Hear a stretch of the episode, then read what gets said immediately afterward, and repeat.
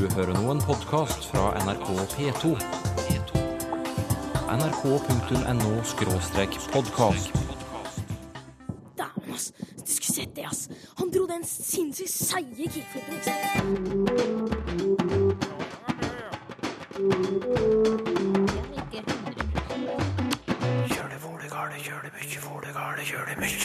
Vi fyller nesten hele sendingen med lytterspørsmål.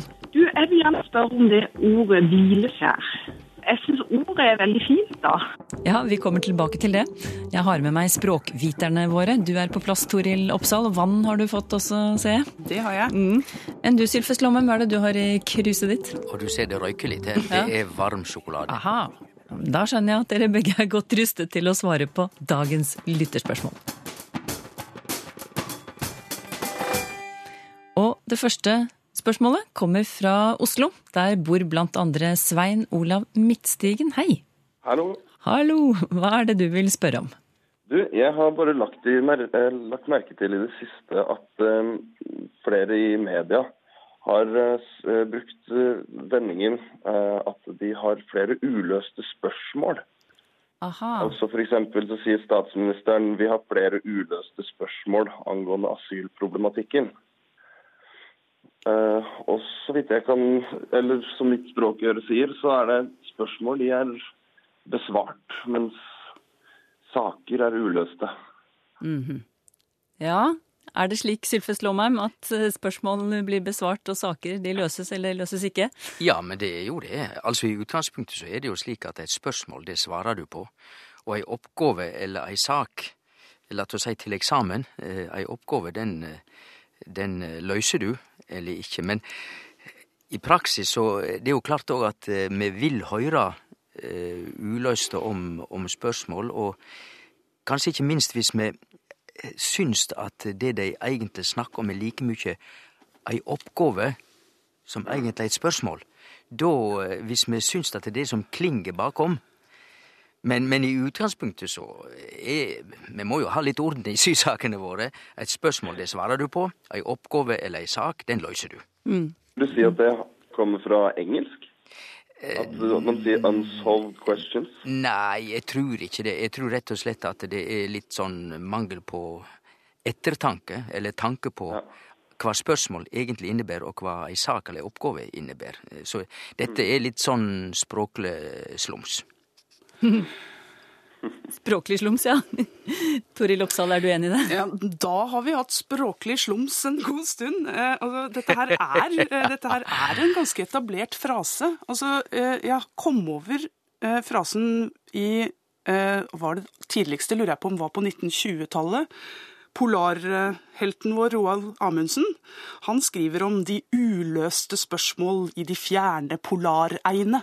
Her er det eh, et forskningsspørsmål, rett og slett. Eh, kristendomsbøker fra samme tidsperiode skriver om de store uløste spørsmål i tilværelsen. Eh, og i den sammenhengen så, så klinger, dette, klinger dette godt. Og betydningen problem av ordet spørsmål, den eksisterer, og den står i håndordbøkene våre. Men, men jeg skjønner godt at, at dere reagerer. Fordi den aller første umiddelbare spørrende ytringa som et spørsmål er, den fortjener et svar. Og så er det jo også slik at om vi finner døme på at folk har brukt det, enten de heter Nansen eller noen annen, så er jo ikke det et prov på at det er mønstergyldig språkbruk. Nei, eh, men det er et prov på at det er relativt etablert og har vært i bruk ganske lenge. Ja da. Og Roald Amundsen, han eh, Ja, det var Roald Amundsen, ja. Svein, Svein Olav, eh, har Roald Amundsen fått deg til å, å endre synspunkt på dette? Jeg vet ikke. Det klinger ikke helt riktig for min del, altså. Men eh, Nei. Men du, står, du, du bestemmer selvfølgelig selv hvordan du vil bruke uløste og spørsmål og ja. Og spørsmålet er om han har fått et svar. Det er Ja. Også. ja, har vel fått et svar på det, da. Det Du, er vel blitt besvart, da. Ja. Ikke løst. Ikke sant? ok, takk skal du ha for, du, for at du spilte inn dette til Språkteigen. I like måte. Ha det godt. Ha det bra. Ruben Gramstad kom over ordet sylfrekk i Dagbladet. Det var snakk om tyvenes sylfrekke triks. Jeg vet at man kan bruke syl eh, som i sylskarp, som, som forsterkende ord, eh, skriver han, men han syns det skurrer litt når han hører ordet eller uttrykket sylfrekk. Eh, Toril, har du et svar til Ruben Gramstad? Og et spørsmål om sylfrekk burde du kanskje spare til sylfest. Men, men jeg, skal, jeg, skal, gjøre et uh, forsøk, jeg. Jeg skal ærlig innrømme at sylfrekk, det ordet var nytt for meg. Men jeg ser nå at det er i bruk hos en del journalister, og kanskje særlig sportsreportasjer og kriminalsaker. Og syl som et forledd, det har en forsterkende funksjon. Sylfrekk står ikke i Norsk ordbok f.eks., men der finner vi sylklar der syl har en forsterkende funksjon. Og Det er ikke umulig å tenke seg en overføring av betydning fra det skarpe og spisse som en syl. Så dette blir jo en tradisjonell måte å lage nye ord på.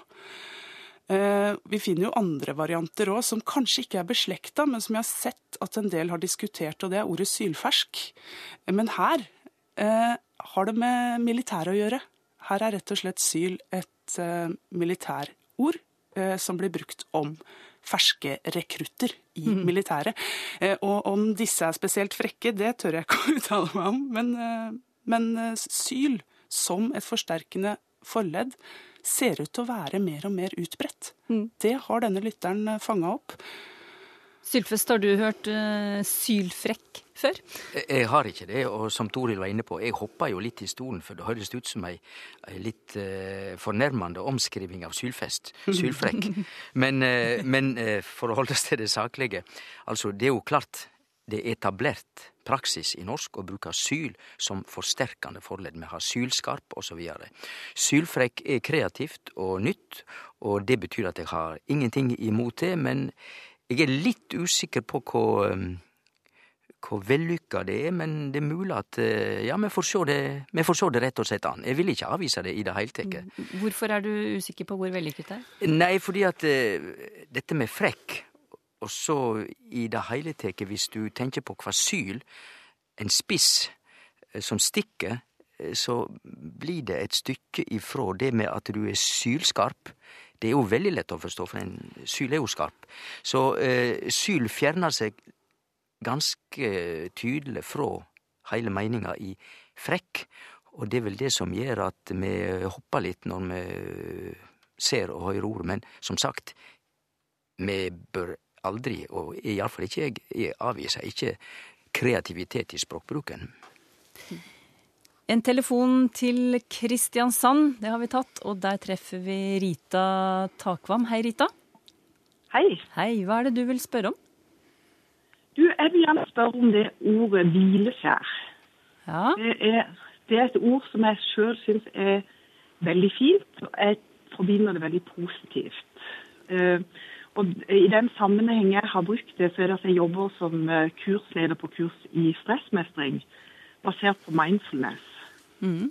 Og så har vi eh, så tenkt at det ordet kunne symbolisere dette med at du ikke stopper opp i det du holder på med, men at du tar deg tid til å legge merke til eh, pusten eller kroppen, hvordan ting er nå, og så fortsetter du. Eh, og så kunne jeg ikke finne noe, noe direkte uh, presis forklaring av begrepet i ordbøker. Mm. Så googla jeg på nett, og der så jeg at det var brukt en del sånn negativt. Som om at uh, det må ikke bli et hvileskjær. Som om det var noe som uh, stoppa opp.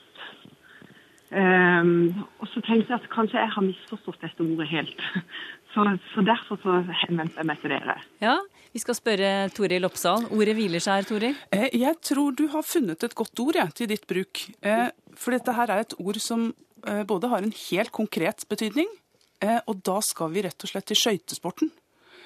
Dette her er en skøyteløper som ligger akkurat litt lenger enn vanlig på et skøyteskjær slik at løperen tilsynelatende i hvert fall hviler, samtidig som du fortsetter forover.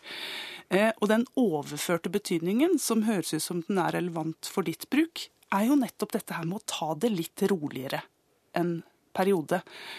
Eh, en ting jeg syns er litt fascinerende, det er at det er denne overførte betydningen som nå er den alminnelige.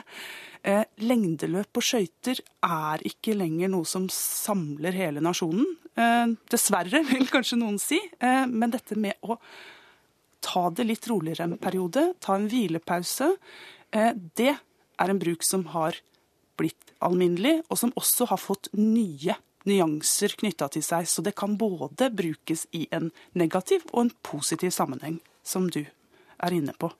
Ja. Rita Takvam, hvorfor liker du ordet hvileskjær så godt? Nei, jeg jeg syns ordet er veldig fint, da.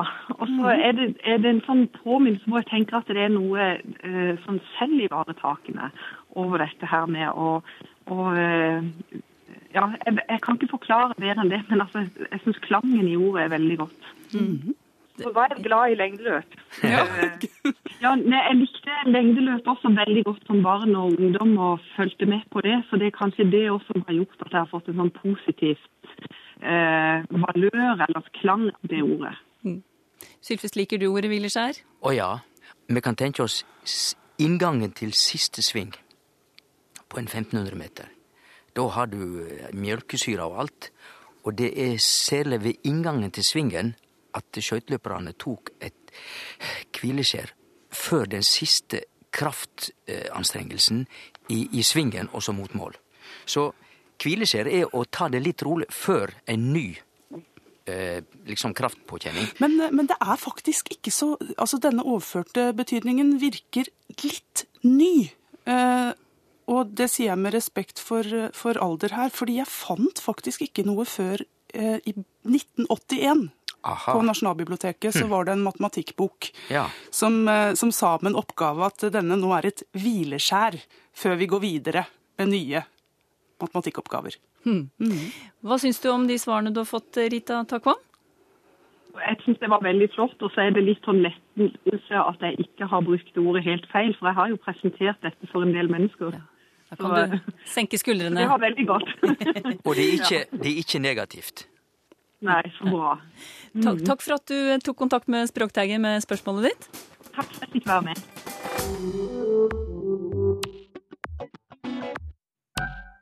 Språkteigen har fått en e-post fra Sigbjørn Lauritzen, som har søkt i gamle kirkebøker og lagt merke til en kolonne for uh, ekte skråstrek uekte barn i forbindelse med dåp. I en del tilfeller ser han at presten har anført u punktum ekte. Eh, Og det oppfatter han som en forkortelse for utenfor ekteskap. Og nå lurer Sigbjørn Lauritzen på om dette kan være opphavet til det gamle og ubarmhjertige uttrykket uekte barn. Eh, Var det opprinnelig tenkt som en, etter datidens, nøytral opplysning om hvorvidt barnet var født i eller utenfor ekteskap, spør han. Sylfest Lomheim, hva tror du? Dette tror jeg er en mulighet. Det vil jeg si til Sigbjørn Lauritzen. Jeg har ikke funnet skikkelig svar på problemstillinga, men, men jeg har snakka med historikere som er spesialister på lokalhistorie, og det betyr slike eh, kyrkjebøker fra 1700-tallet og framover, og de stadfesta følgende at det ikke var uvanlig i det hele teke at det sto uekte, og det med punktum var nok ikke så vanlig, men med bindestrek var veldig vanlig, og punktum og bindestrek kan jo egentlig ha samme funksjon. Så konklusjonen er vi kan ikke utelukke at bruken av uekte om barn Jeg snakker ikke om det vanlige adjektivet uekte, om det som ikke er ekte vare og sånn, men bruken av uekte om barn født utenfor ekteskap, det kan skrive seg fra forkorting i eh, gamle kyrkjebøker, der de da bare skrev uekte, som var ei forkorting for utenfor ekteskap. Altså, lokalhistorikerne har heller ikke sagt at de kan prove dette, men de også slår fast at det er faktisk fullt mulig. Ja, så langt om opprinnelsen til uttrykket uekte barn. Nå ringer vi til Stavanger. Der bor Ivar Kristvik. Hei. Hei. Du Eh, du vil at vi skal snakke litt om bruk av presens. Hva er det spesielt du tenker på? Ja, det er altså den, synes det er litt overdreven bruk av den såkalte historiske presens.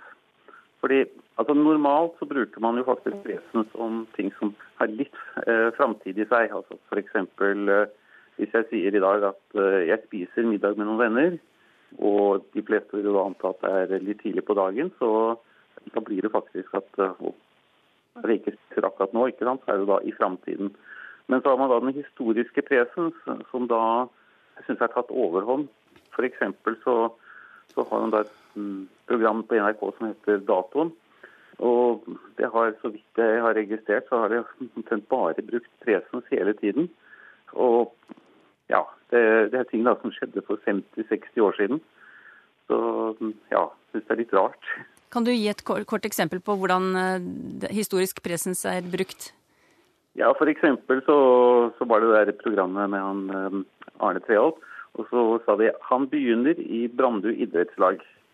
Ja, så... Og setningen tatt i seg sjøl er ganske da imponerende, fordi uh, altså, da en person på 70 år som da begynner i Brandu idrettslag, det uh, ja, hørtes, hørtes ganske sporty ut.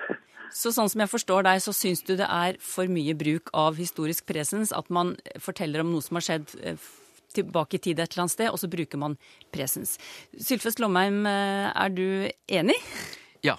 Konklusjonen er at uh, jeg er enig med Ivar Kristik i at det har blitt veldig mye av det. Og jeg vil jo si kanskje spesielt mye i sportsspråk, når uh, en håndballtrener forteller om kampen, så er det vi gjør en god førsteomgang, vi ligger tett på, og i det hele tatt Det er ikke noe gale med det å bruke nåtid om fortid. Eh, og som du var inne på, du, du, kan jo termen for det blant oss språkfolk.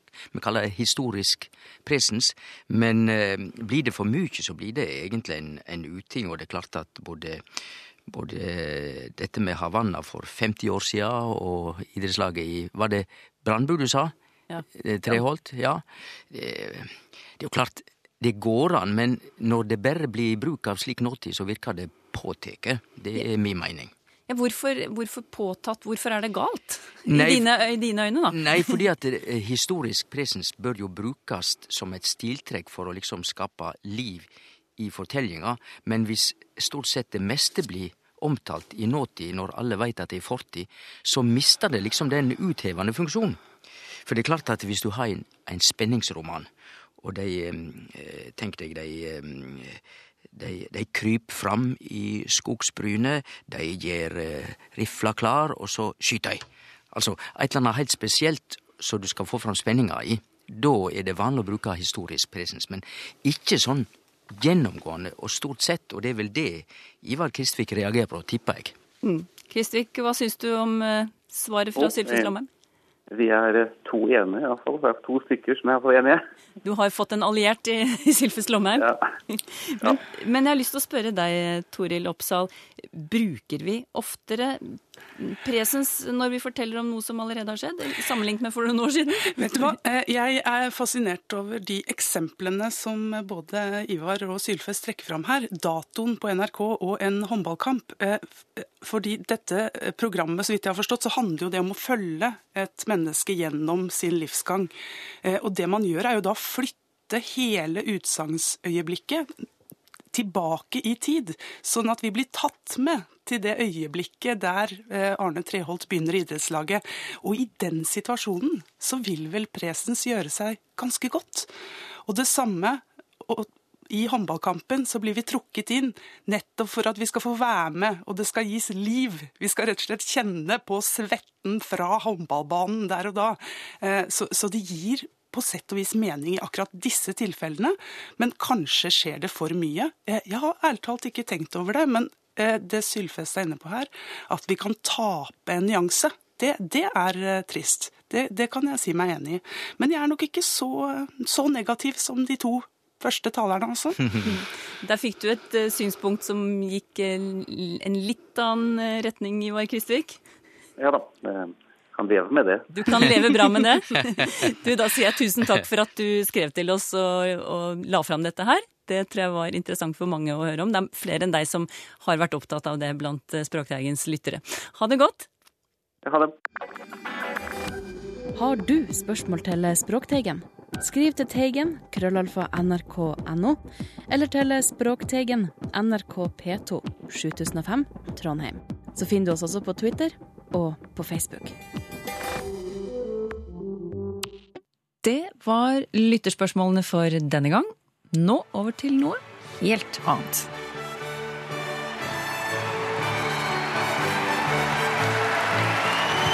Hjertelig velkommen til den norske finalen i Melodi Grand Prix! Grand Prix-finalen, en av de store TV-hendelsene for mange i kongeriket denne helgen. Og takket være tolker kan også døve seere ta del i MGP-festen på en annen måte enn før.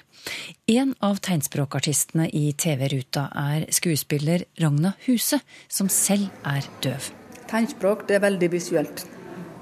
Så det er ikke nok å bare si tegnet med hendene, men du må bruke hele kroppen og hele følelsesspekteret. Det må med når man bruker tegnspråk til en sang. Jeg legger ganske mye følelser i performancen. Ofte kan jeg gråte at jeg har eh, framført en sang, fordi det er så voldsomt. og Jeg legger så mye inn i det.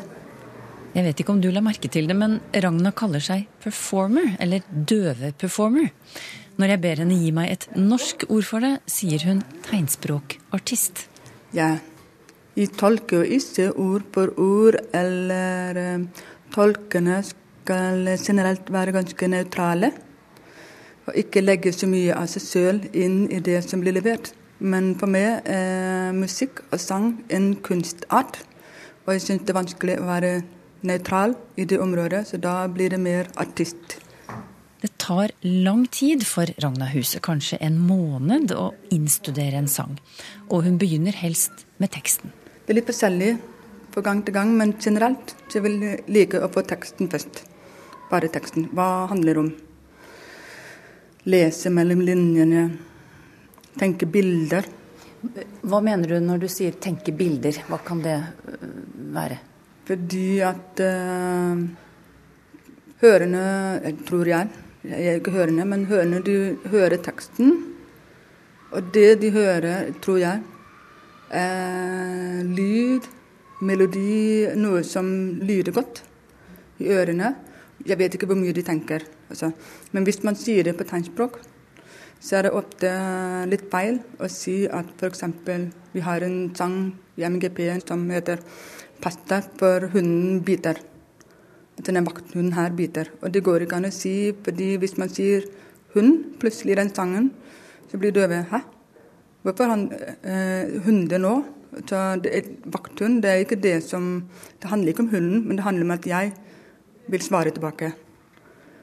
Hvis vi sier på tegnspråk noe som er helt vekk fra konteksten, vil døve tenke det var veldig forstyrrende. Hvorfor sang hun det ordet, ordet, ord? Sånn, så vi må frigjøre oss fra teksten og tenke i bilder istedenfor. Hva egentlig teksten handler om. Ragna har en hørselsrest, og ved hjelp av høreapparatene får hun et inntrykk av musikken hun skal formidle. Da hører jeg hvordan de bygger opp. Starter det veldig rolig og bygges opp, eller starter det veldig energisk og går opp og ned.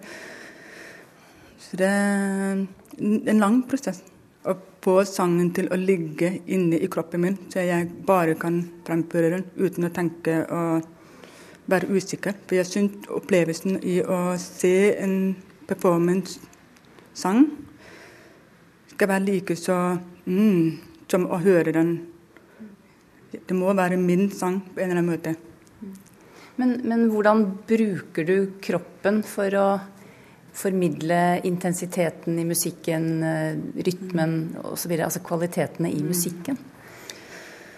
Jeg har en sang nå til MGP som er veldig stille, og da gjør jeg tegnet veldig forsiktig.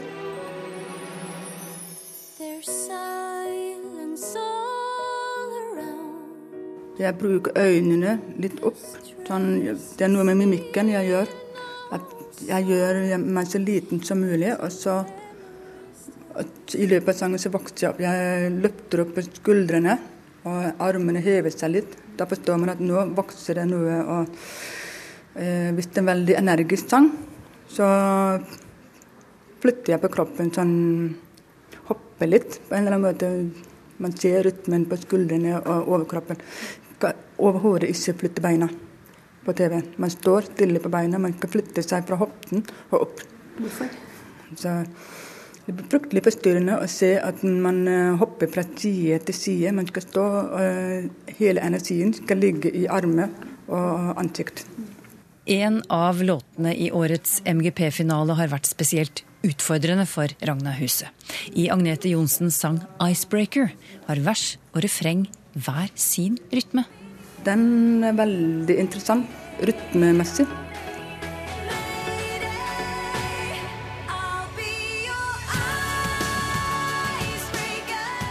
Den skifter rytme, og det, for meg er det veldig viktig at døve publikum vet at det er en rytmeskift. Det er mitt ansvar, fordi det er en opplevelse de hørende Når du hører og opplever den sangen, så vil alle snakke om det etterpå. Den rytmeskiftet der, hva var det for noe? Det skal døve også oppleve. Og det, det, må jeg formidle med kroppen, at det er faktisk to forskjellige arter uh, musikk sammen. Ja, Tenker du på det på forhånd at denne låta som jeg skal framføre, hva er det eventuelt her som kan bli en snakkis etterpå? Altså som folk kan diskutere etterpå, eh, og, og at det må jeg få fram? Er det noe du tenker på når du innøver? Ja. Når hørende hører en sang Det er mange detaljer i en sang som gir assosiasjoner i forskjellige retninger. Hvis vi gir bare én assosiasjon til døve, så vil de føle seg snytt når de hørende snakker om det og det og det, og det som de ikke fikk med seg. Så det en oppgave for oss som eh, performer sanger å formidle alle de lag som de hørende får. Sa tegnspråkartist Ragna Huse, som jeg møtte under arrangementet Oversatte dager i Oslo nylig. Huse tolket også under de internasjonale finalene i 2014 og 2015, og kanskje skal hun i ilden igjen i Stockholm i mai. Så lenge trenger ikke du å vente for å høre neste utgave av Språkteigen. Vi er på plass igjen om én uke.